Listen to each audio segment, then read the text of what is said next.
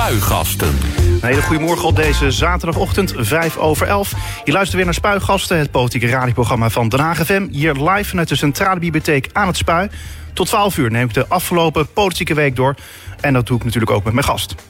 Het aantal mensen met betaald werk in Nederland is in april het in het hoogste tempo afgenomen sinds er maandelijkse cijfers over worden bijgehouden.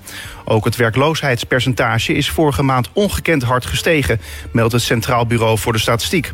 Wethouder Bert van Alven van GroenLinks, Sociale Zaken en Werkgelegenheid, die geeft in Spuigasten zijn visie op deze ontwikkelingen. Bert, goedemorgen allereerst. Goedemorgen. Ja, ik, ik zie, uh, het is natuurlijk coronatijd, ik zie dat het loopje naar de kapper dat dat nog moet gebeuren. Dat moet bij mij gebeuren, bij jou ook. Ik sta in de wacht, op de wachtlijst uh, bij mijn kapper. Die, uh, ik mag aanstaande woensdag om half drie. Heb je er, veel, heb je er veel last van?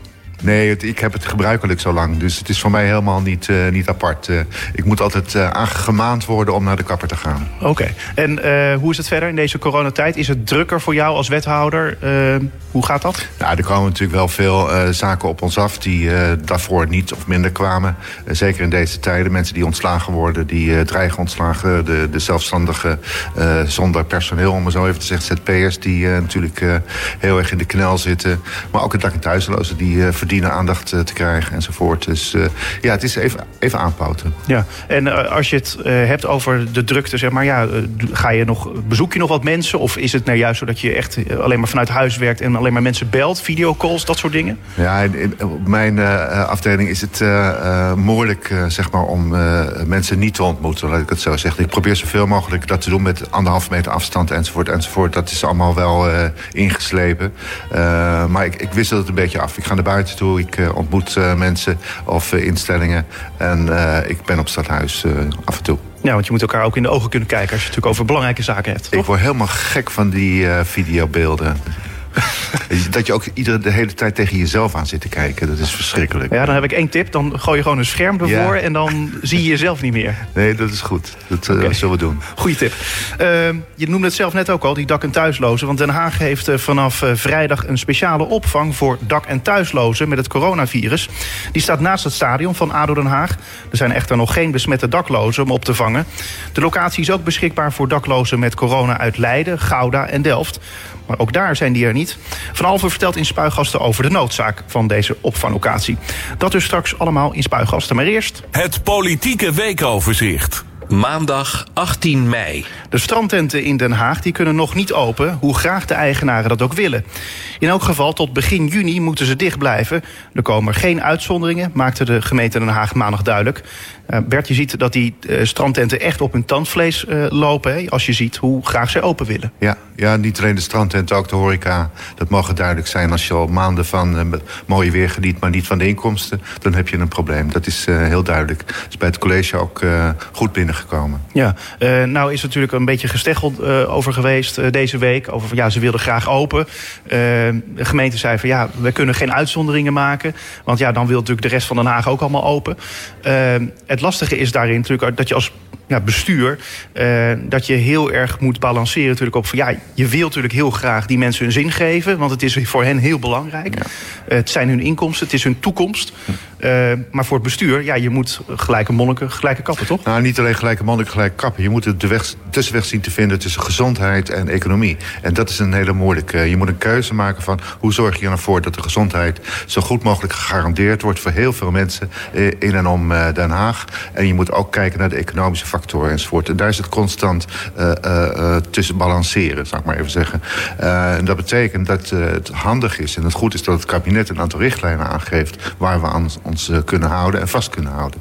Nou, dat is niet altijd in de zin van, van de ene of de andere kant, maar het is het, het, het balanceren. Ja, het lastige is alleen dat je dan dus uiteindelijk zag... Nou, in, in plaatsen als Katwijk en Noordwijk... daar werd er ineens, dan mochten de strandtenten wel uh, weer open. En dan, dan zeiden ze weer van ja, waarom zij wel en wij weer niet? Ja, dat is een bijna gevleugelde uitspraak. Waarom zij wel en wij niet? Uh, maar dat is wat ik net probeer uit te leggen. Van je zult een beslissing moeten nemen... die niet altijd even naar alle, beide kanten gunstig uitvalt... of zo uitvalt zoals verwacht wordt. het is, het is even, even, even zoeken, even kijken... even met elkaar overleggen van jongens... wat is het en meisjes wat is het meest verstandige dit uh, moment. Wordt daar binnen het college, ik snap dat je daar niet al te veel over kan zeggen. Mag want alles niks over zeggen. Want er zal helemaal niks over zeggen. Maar is er nog wel discussie over? Of is het gewoon, het is gewoon zo dat Bouwpads uh, ja, klaar. Hoor, zo rechtlijnig zijn we niet. Uh, in die zin van uh, voor- of tegenstand, dat, dat niet. Maar het balanceren tussen gezondheid en economie... dat is wel regelmatig aan de orde. Zonder dat daarbij een van mijn collega's bepaalde voorkeur uitspreekt. En jij ook niet? Nee, zeker niet. Dinsdag 19 mei. Premier Mark Rutte die heeft dinsdagavond bekendgemaakt wat er in Nederland gaat veranderen na 1 juni. Zo mogen de horeca, bioscopen, musea en scholen weer open. En ook mogen mensen weer op bezoek in verpleeghuizen. De sportscholen die mogen voorlopig nog niet open. Nog steeds moeten we anderhalve meter afstand houden en thuis blijven bij verkoudheid. Ja, Bert, waar ben je nou het meest blij mee? Van het rijtje wat ik noemde? Die scholen toch wel hoor. Dat daar, uh, ik heb veel vrienden en kennissen die uh, in het onderwijs uh, werken. Inderdaad het missen. En je ziet het ook aan de kinderen. al of niet op straat. van natuurlijk, school, dat is vervelend enzovoort. Maar ze missen het wel allemaal. En dat daardoor weer een beweging op gang is gekomen. Dat mensen weer gewoon dingen kunnen gaan doen enzovoort. dat dat vind ik het meest belangrijk op dit moment, die scholen. Nou is natuurlijk een heel uh, sociaal uh, antwoord van je. Dat je het eigenlijk vooral leuk vindt of fijn vindt voor andere mensen. Maar waar ben jij nou zelf heel blij mee? Kijk je heel erg uit naar bijvoorbeeld weer een terrasje uh, pakken? Of, ja, zeker, dat, dat wel. Of weer naar de bioscoop gaan? Nou, dat deed ik daarvoor ook niet zo vaak. Oh. Misschien moet dat uh, wel eens uh, vaker gebeuren. Nee, nee inderdaad, lekker s'avonds op een terrasje zitten... dat, dat lokt heel erg. Ja. zeker in deze periode, als het weer wat, wat aantrekt enzovoort. En even bij babbelen, dat is, dat is wel nodig. En musea? Ja, uiteraard ook. Maar uh, goed, het opgezette tijden. Ja. Um, maar het, het uh, een biertje kunnen drinken op een terrasje, dat is toch wel lekker. Dus dat is eigenlijk vanaf 1 juni wat, een van de eerste dingen die je dan gaat doen? Ik weet niet of ik er tijd voor heb. uh, misschien dat als ik klaar ben met mijn werk... dat dan de terrassen nog net open zijn. Nee, je moet even kijken hoe dat uh, loopt. Het is niet zo dat ik het nou uh, helemaal naar zweef. Waar ik wel naar uitkijk is mijn zomervakantie. Want dat gaat naar Portugal. En daar ben ik heel erg afhankelijk van of dat wel of niet kan. Ja, maar je hebt nog niet een mailtje gehad van de vliegtuigmaatschappij... van dat gaat misschien niet door, die, nee, die vakantie? Nee, nee, nee, nee, alles is nog uh, open. Ik heb wel mailtjes gehad, maar niet van de vliegtuigmaatschappij. Oké, okay. nou, je hebt uh, sowieso heel veel mailtjes natuurlijk gehad de afgelopen tijd. Uh, ben je nog ergens teleurgesteld over van wat Mark Rutte heeft gezegd? Nee, ik vind dat ze het ontzettend knap doen. Het is echt uh, goed de regie voeren, uh, menselijke maat in ogenschouw nemen... en uh, uitleggen waarom dingen moeten gebeuren. Uh, en teleurgesteld, ja, ik, ik had gehoopt dat morgen het coronavirus uh, bestreden zou zijn. Ja. Maar dat gaat niet lukken, denk ik. Nee, dat gaat zeker niet lukken. Nee, maar goed, je zou kunnen zeggen van bijvoorbeeld de sportscholen... die zouden in plaats van 1 september misschien iets meer... een, een, een ja, een stipje dichter op de horizon moeten krijgen. Zoals bijvoorbeeld, ik noem maar even wat hoor, 1 juli. Het zou kunnen. Dat, uh, ja, ik, ik ben niet zo van de sportscholen, dat kun je wel zien aan mij. nou, valt wel mee. maar het, het, nee, het gaat erom dat, wat ik net zei... Hè, van het is balanceren tussen gezondheid en... We moeten een beetje gaan varen op die wetenschappers. Want anders dan, uh, dan, dan houden we het niet uh, rond. Dus ik, ik denk dat het verstandig is dat deze lijn nog even wordt uitgezet. En er zijn tal van sectoren die teleurgesteld zijn... en die het onbegrijpelijk vinden. Ik heb daar begrip voor. Maar je moet op een gegeven moment... onderwijzer een streep zetten. Nee, maar je, je had, uh, we hadden het net eventjes over die mailtjes die je krijgt. Krijg jij vanuit de branche veel mailtjes van... Uh, wij willen graag weer open gaan? Of, ja, of die gaan niet zozeer naar richting jou... maar eerder richting de burgemeester of het kabinet? Nee, de, van werkgevers waar ik mee te maken heb... in het kader van werkgelegenheid... krijg ik natuurlijk wel eens mailtjes van... Uh, kunnen jullie ons nog helpen? En zeker ook vanuit de horeca. Want er zijn nogal wat mensen met een beperkte opleiding... zeg maar, die hierin terecht kunnen. Dus ja, ik word nog wel eens benaderd daarover. En wat zeg je dan? Of...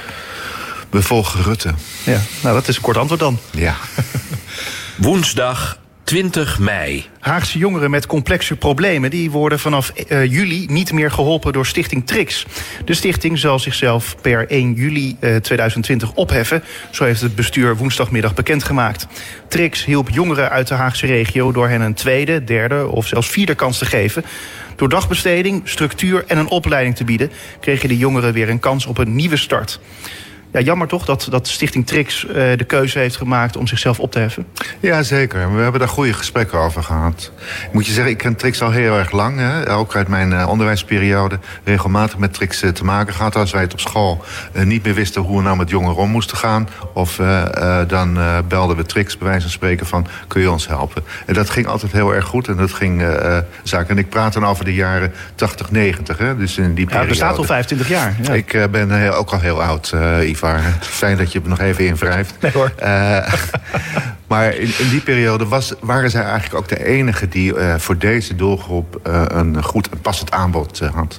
Maar de wereld is veranderd. De wereld is op twee manieren veranderd. Er zijn meer uh, organisaties die uh, uh, goed met deze groep om kunnen gaan... die daar een aanbod op hebben. En de subsidiëring, de financiering van, de, van dit soort projecten... is ook aan het veranderen. Het is niet meer van je krijgt zoveel geld hè, als subsidie... en los het even op. Maar nu van wat ben je van plan om te gaan doen... om deze groep goed aan te pakken. Daar hebben we geld voor over. Ja. Maar goed, zij zeggen zelf van ja, wij, zijn, wij willen daarmee stoppen. Omdat de gemeente dus die andere manier van fi financiering voorschrijft. En wij kunnen en willen dat eigenlijk niet. En daarom ja. heffen we ons zelf op. En dan kun je toch ook zeggen: van ja, is deze manier die vanuit de gemeente wordt gehanteerd van uh, financieren van uh, stichtingen. Uh, is dat dan wel een juiste manier? Want je jaagt er dus wel stichtingen mee weg die al 25 jaar lang hun werk doen. Ja, maar daar komen er ook 25 voor terug. Uh, op een andere manier, die op een andere wijze die jongeren opbouwen. Ik heb dat gesprek met ze gevoerd. En ik heb ook aangegeven van dit is niet meer de wereld zoals dat vroeger was. Van uh, grote potten subsidie enzovoort. Uh, we vragen nu echt van effecten van het werk wat je doet. En daar betalen we voor. Dat, daar rekenen mensen op af. En die andere 25 die ondertussen zijn opgepopt om daarin, die doen dat ook. En we kunnen niet een uitzondering maken alleen voor tricks op dit moment. We hebben goed gesproken over welke jongeren heb je op dit moment uh, nog. En als je niet bereid bent om uh, op andere manier uh, om te gaan... die kans hebben we anderhalf jaar geleden geboden. en daar naartoe te werken, die periode ook uit te voeren... Um, dan kunnen we je helpen om die jongeren verder nog op te vangen als ze nog niet bij jullie vertrokken zijn. Ja, wat ik wel uit de, verklaring las was dat jullie eigenlijk als gemeente en ook als stichting Trix op een goede manier uit elkaar gaan. Uh, geen vechtscheiding, om maar zo te noemen? Nee, zeker niet. Nee, we hebben wel met koppen tegen elkaar gestaan, maar niet geslagen. Okay. Uh, nee, het is, het is natuurlijk heel vervelend als je ziet dat, uh, dat de wereld aan het veranderen is... en dat je inzet op een andere manier nodig is. Ja, uh, en ja, nu, nu, zeg je, er komen er zoveel voor terug. Uh, die jongeren die, die blijven dus eigenlijk gegarandeerd hulp krijgen van zulke stichtingen. Dan nu in dit, dit geval dus niet meer tricks. Ja, we proberen natuurlijk zoveel mogelijk te voorkomen dat jongeren voor deze projecten in aanmerking uh, zouden moeten komen. dat heeft alles te maken met de wijze waarop je je onderwijs inricht en de ondersteuning daarbij. Maar mocht dat toch fout gaan of misgaan of nou, problematisch worden, dan zijn er voldoende instellingen die deze jongeren goed kunnen opvangen en begeleiden naar het zij werk of het zij terug naar school. Kortom, de jongeren die krijgen de hulp die ze nodig hebben. Wat denk je dat er vanuit een onderwijzer gezegd nou, gaat worden? Ik, ik hoor het je graag nog even zeggen. Natuurlijk, alle jongeren krijgen die ondersteuning die ze nodig hebben. Dankjewel. Donderdag 21 mei. De gemeente Den Haag heeft Ellen Walraven ontslagen uit de adviescommissie voor het meerjaren beleidsplan voor de kunst- en cultuursector. Walraven die kwam vorige week in opspraak omdat ze directeur wordt van het literatuurfestival Writers Unlimited, waar de commissie eerder een subsidie van een kwart miljoen euro aan wil geven. Het college van Den Haag heeft de gemeenteraad nu laten weten dat Walraven door haar nieuwe functie ontslagen is uit de adviescommissie. het lijkt inmiddels wel een beetje een soap te worden, Bert. Ik, uh, uh, ik volg het met, uh, met spanning. Ja, maar over, over dit gegeven, word je dan binnen het college dus ook nog lang over gesteggeld? Of is dit ja, iets... we, binnen het college hebben we het overal over, natuurlijk ook hierover. Maar het is op dit moment erg spannend. Dus ik denk dat het goed is als we dit bij de meest capabele wethouder in deze laten. Dat is Robert van Asten, die weet er alles van. Ik zal hem binnenkort even uitnodigen. Lijkt me heel verstandig. Vrijdag 22 mei. De versoepeling van de coronaregels voor de horeca wordt in het Haagse Zuiderpark gevierd met het eerste Corona-proeffestival. Bij het Lucky 30 Festival op 1 juni, 1 juni zoals minister Grapperhaus zegt, moeten de bezoekers bij de optredens van onder meer Sjaak Bral, Ed Struilaert en Tim Akkerman verplicht anderhalve meter afstand van elkaar houden. De 30 beschikbare kaartjes die gaan woensdag 27 mei in de verkoop. Probeer nog een kaartje te bemachtigen. Ik, ik, ik, hoorde vanmorgen pas dat het gebeurt. Ja, dit is mijn uh, uh, misser. Maar uh, ik wist vanmorgen pas dat er iets aan zat te komen. Dus ik ga nog even kijken. Ik zou Tim Akkerman heel graag willen zien, zou ik maar zeggen. Ik vind dat een hele goede, goede zanger. En ik hoop dat ik nog een kaartje kan verkrijgen. Maar er zijn er maar een heel beperkt aantal. Ja, het zijn er maar 30 dus. Ja. Ja, ik krijg geen voorkeursbehandeling, hè? Dat denk ik ook niet. Nee. Ja, goed, ja, dat moet je aan de organisator vragen. Maar uh, wat vind je van, van het feit dat, dat er zulke initiatieven ontstaan? Ja, het is hartstikke goed. Dat brengt de stad weer een beetje tot leven. Zeker ook op dit uh, gebied, hè. Uh, cabaret en pop en muziek. Daar zijn we als Den Haag hartstikke goed in. En als we daar hier een eerste stap mee kunnen maken... dan komt het goed. Ja, nu nog 30 en hopelijk binnenkort nog wel meer, toch? Wat mij betreft wel, ja, maar goed. We volgen Rutte, hè? Dat is waar. Zaterdag 23 mei. Het kabinet heeft vakbonden FNV, CNV en VCP deze week eh, zwaar teleurgesteld over de ontslagboete, eh, door de ontslagboete niet meer op te nemen in het nieuwe steunpakket aan ondernemers. Die klap is voor de vakbeweging zo hard dat dit druk legt op een heel ander dossier, namelijk de uitwerking van het nieuwe pensioenstelsel. Dat zeggen twee ingewijden tegen trouw. Je ook teleurgesteld? Nou ja, ik had het niet verwacht, laat ik het zo zeggen. Ik kan me voorstellen dat het is een hele ingewikkelde zaak is. Uh, um, dat er uh, wat meer gekeken gaat worden van wat de effecten zijn van het, het zomaar ondersteunen van alles en iedereen. Hè? Dat is het begin van de coronaperiode van uh, we hebben geld nodig om mensen en bedrijven te ondersteunen enzovoort. Zodat er wat stevig gekeken wordt naar de effecten. Maar punt is dat als dit op deze manier doorgaat, dat we er als gemeente flink wat last van gaan krijgen. Ik verwacht namelijk dat er een verdubbeling zal ontstaan van mensen die aanmerking komen voor de bijstandsuitkering.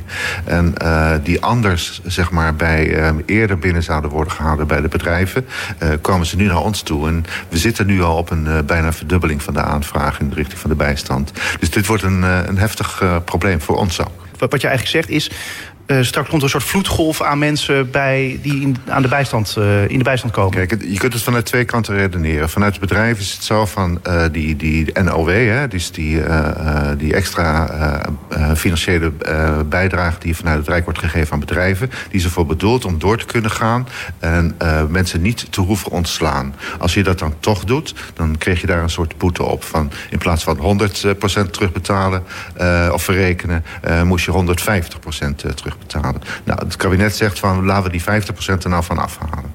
Uh, dat scheelt uh, extra kosten voor enzovoort. Uh, dat, dat zou kunnen, maar dat kan dus ook tot gevolg hebben dat er eerder mensen ontslagen worden die anders binnengehouden zouden worden. En ik verwacht dat dat een groot aantal zal zijn die nu wel ontslagen gaat worden, omdat de boete, de extra gelden die ze daarvoor aan moeten besteden, dat die er afgaan. Ja, nu zijn we live op de radio. Nu kun je nog zeggen tegen premier Rutte: doe het niet. Nou, tegen meneer Koolmees. Koolmees want die ja. is daar uh, mee bezig. Uh, Rutte volgen we, daar praten we oh, ja. niet over. Uh, nee, met, met Koolmees, daar zijn we ook in gesprek. En um, ik ben met mijn collega's van de G4 ook daarover in gesprek... om te kijken of we ons geluid daar ook nog even over kunnen laten schijnen. Maar vind je het uh, in die zin verrassend? Want ja, ik snap dat je het, dat je het, uh, dat je het volgt.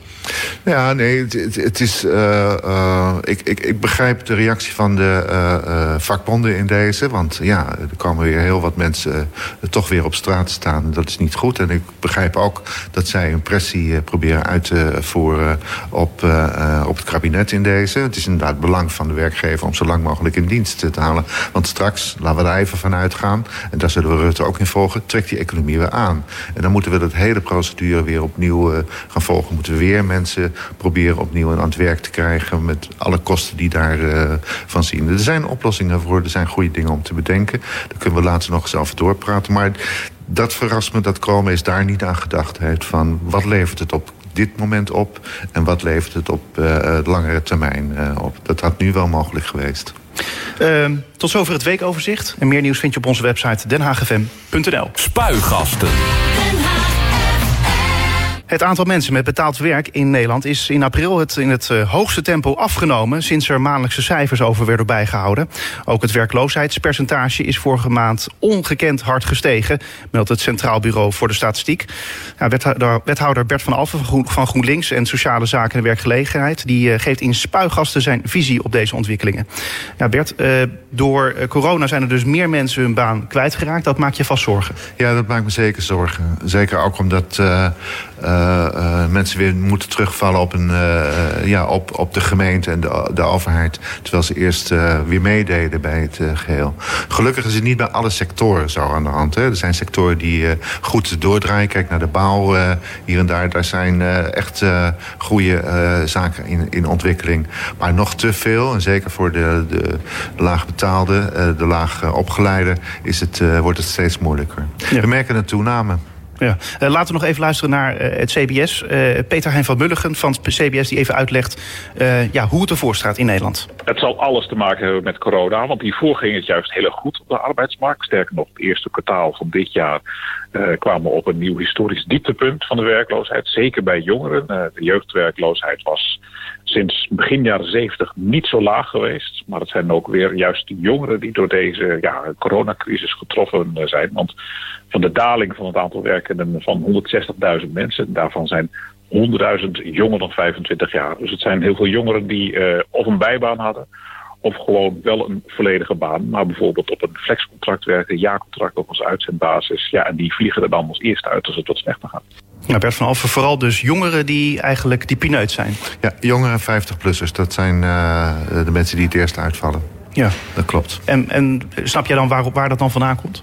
Ja, met, met name jongeren die hebben natuurlijk kleine baantjes, hè, opstapbaantjes om even in hun uh, onderhoud uh, te kunnen. Veel flex. Veel flex, uh, behalve de vakkenvullers, want die hebben gouden tijden op dit ja. moment. Die zouden die revolutie die, waartoe Rutte, Rutte oproept, gebruik van moeten maken. Nee, maar ja, zij zijn het eerste die, die uitvallen, omdat het makkelijker te ontslaan is, zou ik maar even zeggen. Ja. die doen dan een beroep op ons. En normaliter hebben zij ook een periode dat ze dan even uh, moeten zoeken, zelf moeten, uh, initiatief moeten nemen. Dat blijft, maar als dat moeilijk is, zeker in deze tijden... dan willen we daar wel een bijstand aan verlenen. Ja, uh, hoort het, die komen dan via de mail bij jou binnen. Hoe gaat dat? Hoe gaat zoiets dan? Nou, die melden zich bij, uh, bij de dienst, zou ik maar even zeggen, bij het loket. Van uh, ik heb geen inkomen meer, hoe nu verder? En dan worden ze daarin verder geholpen. Ja, en, en in dit geval dus meteen eigenlijk uh, geholpen. Uh, is dat bijzonder in de zin van normaal gesproken werd er misschien wat moeilijk over gedaan als je daar als. Uh... Als jongere, als je een uitkering aanvroeg omdat je niet meer naar school wilde of wat dan ook, of geen baan kon, kon krijgen, dan kreeg je een periode dat je eerst kreeg gezegd van nou oké, we gaan willen best met je kijken, maar je moet eerst zelf je best gaan doen. Dus wil je niet echt nog naar school, ga nog eens zoeken. Van kijk je nog hier en daar. of misschien kun je zelf een baantje vinden op wat voor manier ook. En uh, nou, daar staat een bepaalde tijd voor. Uh, en als die uh, binnen die periode niet voldoende hebt, dan pakken we je op en dan gaan we samen met jou verder kijken hoe het, hoe het moet. En nu krijgen ze gewoon een uitkering? En dan krijgen ze een, een beperkte uitkering, ja. Beperkt? Nou ja, beperkt in de zin van... Uh, ja, niet eeuwig? Nee, niet nee. eeuwig, ja. Nee, maar dat gaat om een bepaalde tijd. Is bekend van hoe lang dat dan is? Of nee, geldt... we proberen mensen zo snel mogelijk weer uh, op een opleiding... een baan of een traject te krijgen. En eigenlijk weer zo snel mogelijk aan het werk. Ja. Um, toch opvallend eigenlijk hè, dat uh, ja, deze week dan het nieuws naar, naar buiten komt van het CBS... van dat er zoveel mensen hun baan zijn kwijtgeraakt. Uh, en dat terwijl dan ruim een week geleden... kon de gemeente Den Haag in elk geval nog positief nieuws over de arbeidsmarkt melden. Want ruim 4000 bijstandsgerechtigden die zijn vorig jaar... door de gemeente Den Haag vanuit de bijstand aan een baan geholpen... of naar een opleiding begeleid positief nieuws. Hartstikke goed, hè? Hartstikke goed. Ja, ik ben ontzettend trots op dat dat gebeurd is. Dat kan ik me voorstellen. Ja. Alleen dan, dan moet het dus extra pijn doen... dat je dus uh, nou ja, nu deze week dan dit bericht naar buiten ja, komt. Dat, dat doet het ook. En dat heb ik ook aangegeven. Van, uh, we willen die trend uh, proberen door te zetten. Zeker omdat we hier ingezet hebben op mensen... die ander, langer dan anderhalf jaar in de bijstand zaten. Dus nu weer enig perspectief zullen krijgen. En de economische ontwikkelingen... ja, die, die, die neigen ertoe om te zeggen... van de eerste mensen die alweer snel aan het werk kunnen, die gaan we helpen. En dan vergeten we maar even uh, deze groep. Nou, dat gaan we dus niet doen. Dus we gaan op beide groepen uh, inzetten. En hoe weten we nou dat deze mensen die dus al zo lang zonder werk hebben gezeten... en nu dus eindelijk weer aan een baan zijn geholpen... dat die er niet meteen weer uitvliegen? Want meestal is het uh, last in, first out. Ja, nou, dat is inderdaad de afspraken die we met werkgevers hebben gemaakt... In deze, voor deze groep. Dat we inderdaad een bepaalde tijd in ieder geval onderdak kunnen bieden... en laten bieden enzovoort. En daar, dat we daar gesprekken over hebben. Mocht dat voor bepaalde bedrijven negatief uitvallen... dan gaan we er ook in gesprek om te kijken op welke wijze we de mensen weer uh, gezamenlijk kunnen opvangen. Je bedoelt negatief uh, uitvallen als in... Nou ja, als we bij een bedrijf uh, afgesproken van je gaat... of je, je, heb je verantwoordelijk gesteld voor 200 mensen... ik noem even een gek getal... om weer aan het werk te helpen door middel van scholing enzovoort enzovoort. En je bedrijf gaat failliet, dan kun je daar niet aan voldoen. Nee. dus daar gaan we dan over praten. Precies. Ehm, maar het lijkt me wel vervelend dat je dan uh, zo... Je bent al jaren bezig. Uh, nou, jij letterlijk en samen natuurlijk eerst met, met uh, Rachid Gernawi. ik weet nog dat jullie nou ja, dat plan presenteerden van... Ja. we gaan weer die mensen aan een baan helpen. En dat je dan nou ja, dus nu, in deze tijd, ik bedoel, ik, ik snap het. je, je hebt er, het is, het is, het is natuurlijk, ja, je staat machteloos. Ja, ja, we moeten, kunnen niet anders. Het is inderdaad een deceptie. Maar goed, elk nadeel heeft zijn voordeel. Dat betekent wel dat de motivatie die bij heel veel jongens en meisjes in de dienst aanwezig was om ervoor te zorgen dat die 4000 extra aan het werk kwamen, dat wordt nu nog alleen maar sterker. Niet, dat gaat niet terug, dat zie je echt gebeuren. Mensen willen zich nog meer inzetten om uh, dit voor elkaar te krijgen. En die hebben zich als doel gesteld van... we houden dat percentage, uh, proberen we uh, op gang te houden. Dat laten we niet los. En we pakken die anderen er ook nog wel even Maar volgens mij kun je zo hard blijven werken. Maar eerlijk is eerlijk. Ik bedoel, we komen straks waarschijnlijk in een economische crisis terecht. Nee, dat klopt. Dat, uh, dat zit er wel in. En dat betekent dat uh, we namelijk uh, erg afhankelijk gaan worden van, van de uitkering van het Rijk die in deze moeten gebeuren. En dat is wat ik voorzie, dat dat nog niet, dat we daar in Rutte nog niet volgen, zeg maar ik, ik, kan me namelijk twee Prinsjesdagen geleden alweer herinneren. Van de, elke keer was het de gemeente Den Haag die weer opriep. Ja, we zijn een beetje teleurgesteld in het Rijk. We krijgen te weinig. Ja. Dat, en dat is, nu nog steeds zo. Dat is nog steeds zo. Dus wat, wat, waarom, gaat het dan, waarom gaat het dan veranderen?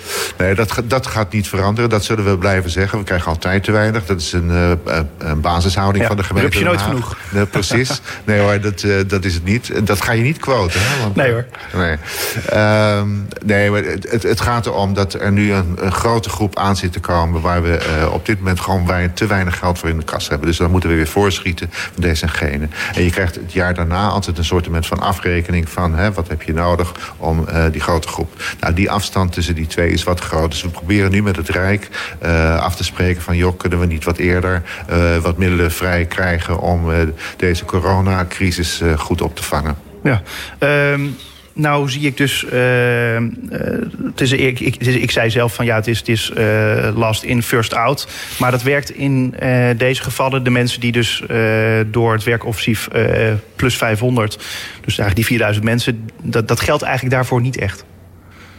Nou, voor een groot gedeelte wel. Want binnen die 4000 zitten mensen die we ook al uh, naar werk hadden begeleid. Uh, uh, zonder die extra maatregelen die we hebben. Het zal voornamelijk de groep zijn die we nieuw daar neer hebben gezet. Die echt anderhalf jaar lang van de bank af. na, 15, 20, sommigen wel 25 jaar op de bank hebben gezeten. Ja. En die nu weer in eerste stappen. Die natuurlijk ontzettend onzeker zijn. En de kans is groot dat zij er als eerste weer uitgaan.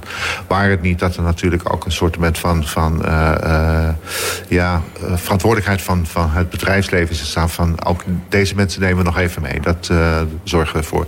Bovendien zitten ze in die sectoren die nog niet echt te lijden hebben op onder de, deze corona. Behalve de horeca natuurlijk, maar in de bouw en op andere terreinen hebben we nog wel werk in deze. Misschien luisteren er wel uh, ondernemers, werkgevers met veel mensen in dienst. Uh, wat zou jij ze dan ja, willen oproepen? Hou ze vast. Uh, zorg ervoor dat er aan de meerwaarde en eigenwaarde van deze mensen uh, geen knak komt. Uh, neem je verantwoordelijkheid en als je daardoor in moeilijkheden komt, klop je bij mij aan. Dus probeer die mensen zo, zo lang mogelijk in dienst te ja. houden, ja. niet te ontslaan. Eh, Zeker deze kwetsbare groep is het van groot belang, uh, ook voor de toekomst van, uh, van Den Haag en Nederland, dat we ze in de gaten blijven houden. Ja.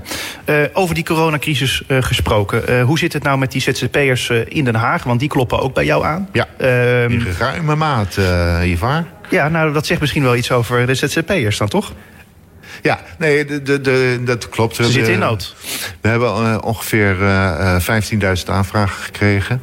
Uh, Peulenschil, als je dat vergelijkt met Amsterdam... was het tegen de 40.000 aan zitten. Uh, maar goed, in Den Haag gaat het iets goeder. We zitten op dit moment rond 10.000 mensen... die we een uitkering hebben gegeven. En er is nog een klein gedeelte. Ja, het is, het is heel divers. Er zit een grote groep in echte inhoud. Dat, dat merk je ook bij de aanvragen. En die proberen we als het echt het water tot aan de lippen komt uh, via een broodnoodregeling uh, te helpen. En dat kan altijd binnen een dag of twee, uh, binnen een dag zelfs geregeld worden. Ehm, Maar er zitten ook heel veel, uh, of veel uh, mensen tussen die een beetje het idee hebben van nooit geschoten is altijd mis. Hè? Dat, ik, ik, wil dat toch wel even zeggen. Zeker in het begin van deze regeling is er door de staatssecretaris een moreel beroep gedaan. Of van hè, maak er alleen gebruik van als je echt niet anders kan, want anders loopt het uit de klauw. Nou, je merkt dat niet iedereen daarnaar geluisterd heeft. en dat, dat is vervelend voor al die mensen die er daadwerkelijk van in, in de nood zitten. Maar goed, dat, dat lossen we wel op, denk ik. Ik denk dat dat wel, uh, wel goed komt. Maar die mensen maken dus eigenlijk misbruik uh, van deze regeling. Is dat wat je zegt of bedoelt? Uh, nou, ik, ik bedoel... Ehm, ik, ik, wil niet zeggen dat het overgrote deel dat doet. maar er is een percentage wat ook op een andere manier aan een eten was kunnen komen. Ja. Maar het lastige is, de gemeente Den Haag heeft zelf ook gezegd... ja, we gaan geen inkomenscheck uh, ja, daarmee zorgen ze toch eigenlijk zelf voor... dat er dus ja, de, de mogelijkheid ontstaat daardoor... dat mensen dus gewoon gebruik van gaan maken... terwijl ze het niet echt, eigenlijk echt nodig hebben. Ja in vergelijking tot de andere griffiers hebben wij uh, uh, wel een vorm van, van controle uitgevoerd. zeker ook om te voorkomen dat mensen achteraf geconfronteerd worden met het terugbetalen van flinke hoeveelheden geld. Daardoor heeft het bij ons altijd wat langer geduurd. dat is even de reden. maar wat niet wil zeggen dat we, want dat is wat de staatssecretaris toen zei, van er moeten geen drempels zijn, mensen moeten gewoon geld kunnen krijgen. En die, kunnen daar, die zijn volwassenen en die kunnen daar goed mee omgaan. Nou, dat blijkt dus net iets anders. Eh, te liggen. Dus, maar je zegt van ja, er is een percentage dat daar nou ja, dus eigenlijk misbruik van maakt. Zo, zo noem ik het zelf maar eventjes. Nou ja, maar hoe groot is die groep dan? Ja, weet ik niet. Dat durf ik niet, niet zo Maar hoe weet je dan dat die groep er wel is? Nou, omdat ik die signalen ook, ook krijg. Ik krijg mailtjes van, van waarom hebben we nog niks? En we hadden er recht op enzovoort. En ik, ik was van de week vrijdag bij, bij de afdeling die dat allemaal doet. Nou, ik zat aan de telefoon. En toen werd er gevraagd van ja, heb je nog inkomen. Ja, ja, maar dat, dat staat hier buiten. enzovoort. Terwijl daar aantoonbaar duizenden euro's op de bankrekening stonden. Wel netjes weggelakt, maar ik bedoel, ja, dat, dat was niet zo mooi. Dus dat gebruikt. En het meest frappante voorbeeld van, is uit, uit mijn, van mijn collega uit Amsterdam, die toen de regeling bekend werd en Van Ark had opgeroepen van laten we zo laag mogelijk de drempels en iedereen kan daar gebruik van maken die daar de nood toe inziet. Dat hij dan gelijk een telefoontje kreeg van... en ik heb er recht op, want de staatssecretaris zegt het... en je moet me morgen uitbetalen. Zo dus, hè? Die, die, die gevallen dat is in Den Haag bij mij nog niet gebeurd. Dat durven ze natuurlijk niet. Uh, maar dat zou ongetwijfeld meegespeeld hebben. Ja, maar het lastige daarvan is, is van dat je natuurlijk niet precies weet van wat iemand precies voor lasten heeft. Uh, zakelijke lasten, maar misschien ook wel privélasten. Ja, dan kun je misschien wel zien van diegene heeft heel wat geld op zijn bankrekening staan, op zijn spaarrekening. Maar op een gegeven moment is dat natuurlijk ook op. Nee, dat klopt. Dat is ook zo. Maar goed, daar moet je als, als verantwoordelijke ZZP'er ook verstandig mee om kunnen gaan. Je moet echt kijken van wanneer heb ik het nou daadwerkelijk ja. nodig en hoe kan maar dat, is toch het probleem in deze tijd, dat je niet weet. Ja, we, we praten over, het is een soort uh, natuurlijk pre-crisistijd. Ja. Uh, want niet iedereen merkt er nog wat uh, van op dit moment. Maar in, in zijn portemonnee gezien dan maar dat, is het, dat vind ik wel dan het lastige eraan. Van dat je dus niet. Ja, je kunt niet voor iemand gaan bepalen van ja, jij hebt er eigenlijk wel recht op en jij eigenlijk helemaal niet. Nee, maar dat, dat klopt. Maar het is ook bedoeld als een overbrugging. Hè? Dus je zou met elkaar moeten afspreken van waar gaan we naartoe. Als die uh, uh, economie op, zich op deze manier blijft doorzetten, dan zul je andere wegen moeten vinden om aan je inkomen te voorzien. Daar moet je het met elkaar over hebben. Ik denk dat de merendeel van de mensen, als het op deze manier zich doorzet, inderdaad dat gesprek wel gaat voeren met, met ons als uitkering. Want je komt in de uitkeringssystematiek terecht. En dan wordt er ook gekeken van wat wil je gaan doen om ervoor te zorgen dat je er weer zo snel mogelijk uit eh, bent. Dus dat idee moet al. Hè. Dus ZZP'ers die gewoon uh, een aardig zakcentje uh, hebben gespaard, uh, die zouden hier geen, ja, geen aanspraak op moeten maken op deze regeling. Ja, het is, Want die moeten gewoon interen op hun, op hun spaargeld. Het is, het is een morele oproep. Uh, uh, dat, dat klopt. Hè. Er is geld, uh, maar er is niet zoveel geld dat we in de lengte der dagen iedereen kunnen ondersteunen in deze. Dus laten we daar nou verstandig mee omgaan. Ja, je kunt het ook niet, je kunt het maar één keer uitgeven, het geld. Dat dubbeltje, hè? Ja. Precies, het bekende dubbeltje. Uh, zometeen gaan we verder praten met uh, wethouder uh, Bert van Alfen. en dan gaan we het hebben natuurlijk over ja, de coronazorglocatie bij het ADO-stadion. Ook wel gekscherend in de volksmond het coronadorp genoemd. Vind je daarvan, Bert? Kort? Ja, de coronadorp vind ik sympathieker. Ja, ja, nou ja, het gaat natuurlijk om een zorglocatie, maar ik kan me voorstellen dat het gaat om uh, ja, de benaming van een coronadorp. En uh, nou, als je het zo ziet liggen vanuit de lucht, een mooie foto van de, vandaag uh, ergens in een krant. ja, dan denk ik van ja, het is, het is wel een dorp. Gaan we het zo meteen verder over hebben. Den Haag dat heeft eh, vanaf vrijdag een speciale opvang voor dak- en thuislozen met het coronavirus. Die staat naast het stadion van ADO Den Haag. Er zijn echter nog geen besmette daklozen om op te vangen. De locatie is ook uh, beschikbaar voor daklozen met corona uit Leiden, Gouda en Delft. Maar ook daar zijn die er niet. wethouder Bert van Alven die vertelt in Spuigasten over deze over dit coronadorp. Uh, ja, Bert, uh, blij mee dat het nu geopend is inmiddels? Ja. Want? Nou ja, uh, Wat lost het precies op? Nou, het lost uh, op dat als straks uh, een groot probleem op, zich voordoet bij de dak- en thuislozen... als het gaat om de uitbraak van corona-gerelateerde ziektes... dat we dan nu een mogelijkheid hebben om mensen op te vangen en te begeleiden en beter te maken. Was het een soort feestje wat gisteren werd gevierd? Nee, natuurlijk niet. Want het is natuurlijk vrij triest dat uh, we daar zo laat aan hebben gedacht. Dat er in uh, de coronaperiode ook uh, dak- en thuislozen zijn... die we goed moeten opvangen. En dat we geen ruimte hadden voor mensen die, die ziek waren. Ja. Uh, maar goed, er zijn, wat, wat wel weer positief is... er zijn geen daklozen met corona. Althans, dat is nog niet uh, vastgesteld. Voor die... ons niet bekend, ja. Precies, want worden zij allemaal getest in de, de, op de plekken waar zij uh, nu zitten? Nee, net als jij en ik, het zijn gewoon mensen die hier in de stad rondlopen... en nog niet per definitie getest moeten worden. pas als er verschijnselen zijn, dan, dan wordt daar nader naar gekeken. Dan gaan ze naar de dokter en die kan dan beslissen... of iemand binnen moet blijven of niet. Nou, en voor deze mensen, als ze binnen moeten blijven... is er dan nu ook die mogelijkheid voor. Ja, uh, nou, nou is natuurlijk, wat je zelf ook al zei, van ja, we hebben zelf wat laat gedacht. Uh, maar er zijn ook wat partijen geweest die natuurlijk zeiden van ja, wij zijn helemaal niet gehoord uh, hierin. Ja. bijvoorbeeld de straatdokter, die was niet betrokken bij de plannen. En ook het straatconsulaat, dat noemde het dorp een Melaatse eiland. en voor die communicatie heb je gisteren een beetje je excuses aangeboden, begrepen? Ja, natuurlijk. Kijk, weet je, in de haast gaat het. We zijn ongelooflijk hard bezig om ervoor te zorgen dat zeker in die corona-periode dak en thuis als onderdak te, te, bieden. Dat waren gewoon verplicht. Ook zij moesten daar uh, voor in aanmerking komen. En ik ben ongelooflijk blij met de hulp van hotels. Die hebben gebeld van... joh, wij kunnen in deze periode nog wat mensen oplossen. Uh, het waren die twee hotels op Scheveningen? Ja, dat en dat was ook heel snel hebben we dat kunnen regelen. En daar ging het om. We moesten zo snel mogelijk enzovoort. En in de haast vergeet je wel eens mensen te bellen... en aan te spreken van enzovoort. En men kent mij, men weet me altijd te bereiken. Dus het was helemaal geen probleem geweest om ook in dit geval het kader van die ontwikkeling... mij nog even te bellen van als ze ervan gehoord hadden enzovoort. Maar goed, ik had uh, zelf die stap moeten nemen. En uh, met de straatdokter, die overigens wel op de hoogte waren... dat we bezig waren naar goede opvang voor dak- en thuislozen. Zieke dak- en thuislozen. Dus het was niet helemaal onbekend dat we hiermee bezig zijn. Nee. Um, maar goed, het staat er nu. En we gaan verder met ze spreken om te kijken hoe zich dat na corona moet gaan ontwikkelen. Ja, nog even terug naar straatconsulaat en die straatdokter. Uh, nou kan ik me inderdaad heel goed voorstellen... van in de haast uh, lukt het gewoon niet om iedereen uh, op de hoogte te stellen of te brengen.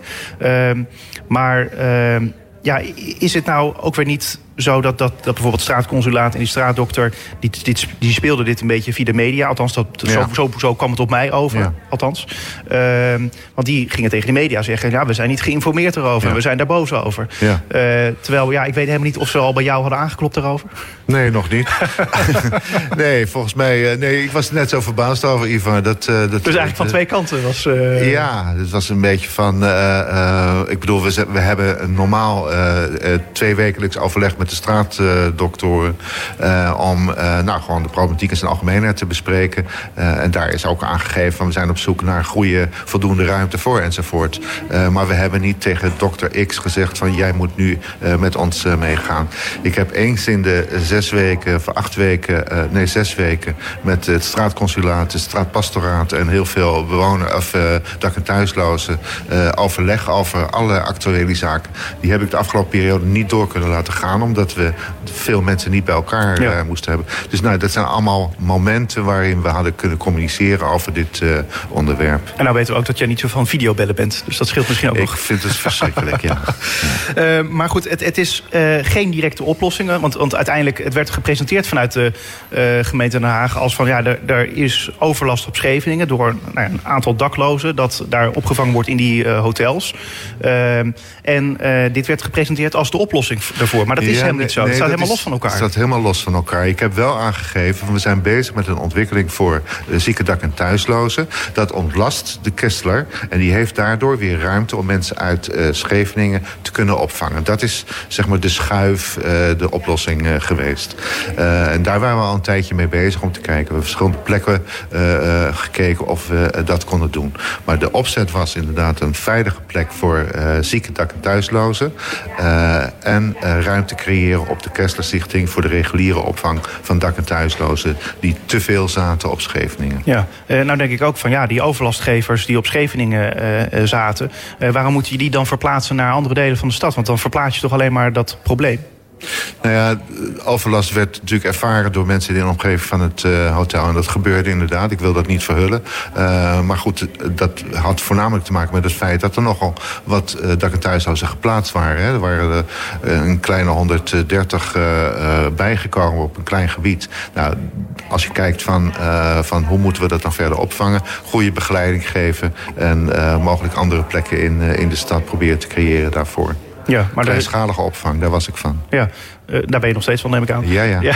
maar goed, de, de Kessler Stichting zegt ook van... ja, wij hebben ook niet uh, zoveel ruimte dat wij dat... Uh... Nee, dat, maar dat is ook terecht. Dat is ook het probleem waar we op dit moment voor staan. Van, hè, als straks die anderhalve meter afgeschaft is... dan hebben we wel weer voldoende ruimte. Ja, maar nu maar nog niet. Nu nog niet. Dus we zijn nu hier inderdaad op zoek en in gesprek... zelfs beneden hier zijn ze daarover in gesprek... Uh, om te kijken van hoe gaan we dit nu verder uh, oppakken. Straks gaan die hotels weer open. En nou ja, daar zullen er op een andere manier gebruik van worden gemaakt. Ja. Dus we zijn, nou ik heb vanmorgen nog wat telefoontjes. Zijn we dag en nacht bezig om ervoor te zorgen dat de groep weer wordt opgevangen. Ik heb nog wel een idee voor een locatie. De Zilverstraat. Daar hebben we het niet meer over. Oh, dat mag dat niet meer. Je, nee, nee dat is geen dat, optie? Nee, ik denk dat... Uh, Ook niet als je het helemaal opknapt en zo? Nee, het gaat niet zozeer om de opknap. Het gaat om uh, uh, datgene wat er op het ZKD, het bedrijventerrein, aan de hand is. En daar moeten we heel voorzichtig mee zijn. Oké. Okay. dus nee. En er zijn er nog andere locaties die dus nu wel op het oog zijn... waar je al iets over kan zeggen of nog niet? Ik, en welke wijken wel, moeten we denken? Zijn, of stadsdelen? Nee, dat, je weet uh, hoe dat gaat in dit proces. Uh, ja, ik wil niet op mijn geweten hebben dat, dat de straatdokter zegt... van ik weet niet waar we naartoe gaan. Dus, nee, uh, dat zal die ook niet, dat zal die ook niet gaan zeggen, denk ik. Maar we zijn met alle andere locaties tot nu toe... altijd heel open en transparant geweest. En met de buurt afgelegd van wat er gaat komen. en dat is tot nu toe. Hè. Twikkelstraat staat voorbeeld van. Ja. Schenkweg staat voorbeeld van. Sportlaan is daar een voorbeeld van. Uh, altijd open en eerlijk met, uh, met de omgeving. Ja, maar ik moet nog even snel een antwoord hebben, omdat het al bijna 12 uur is. Oh, dus jee. dus ik ben heel erg benieuwd, Bert, van ja, in welk stadium zitten we dan nu? Van wanneer kun je iets gaan bekendmaken? Of hoe lang is de lijst nog? Dus, of heb je een shortlist inmiddels van locaties nee, waar ze Nee, nee, zover wil ik nog niet gaan. We zijn, we zijn ermee bezig, Ivan. Je moet, even, je moet me even de tijd geven. Zal ik het geven? Ja? Ik wil nog wel. Mag, het ja? is al 12 uur. Mag ik mijn laatste. ik wil, nou ja. ja. morgen is uh, einde Ramadan. Ja. En voor heel veel Hagenaars is dat een grote feestdag. En ik wou ze even Eid Mubarak uh, toewensen.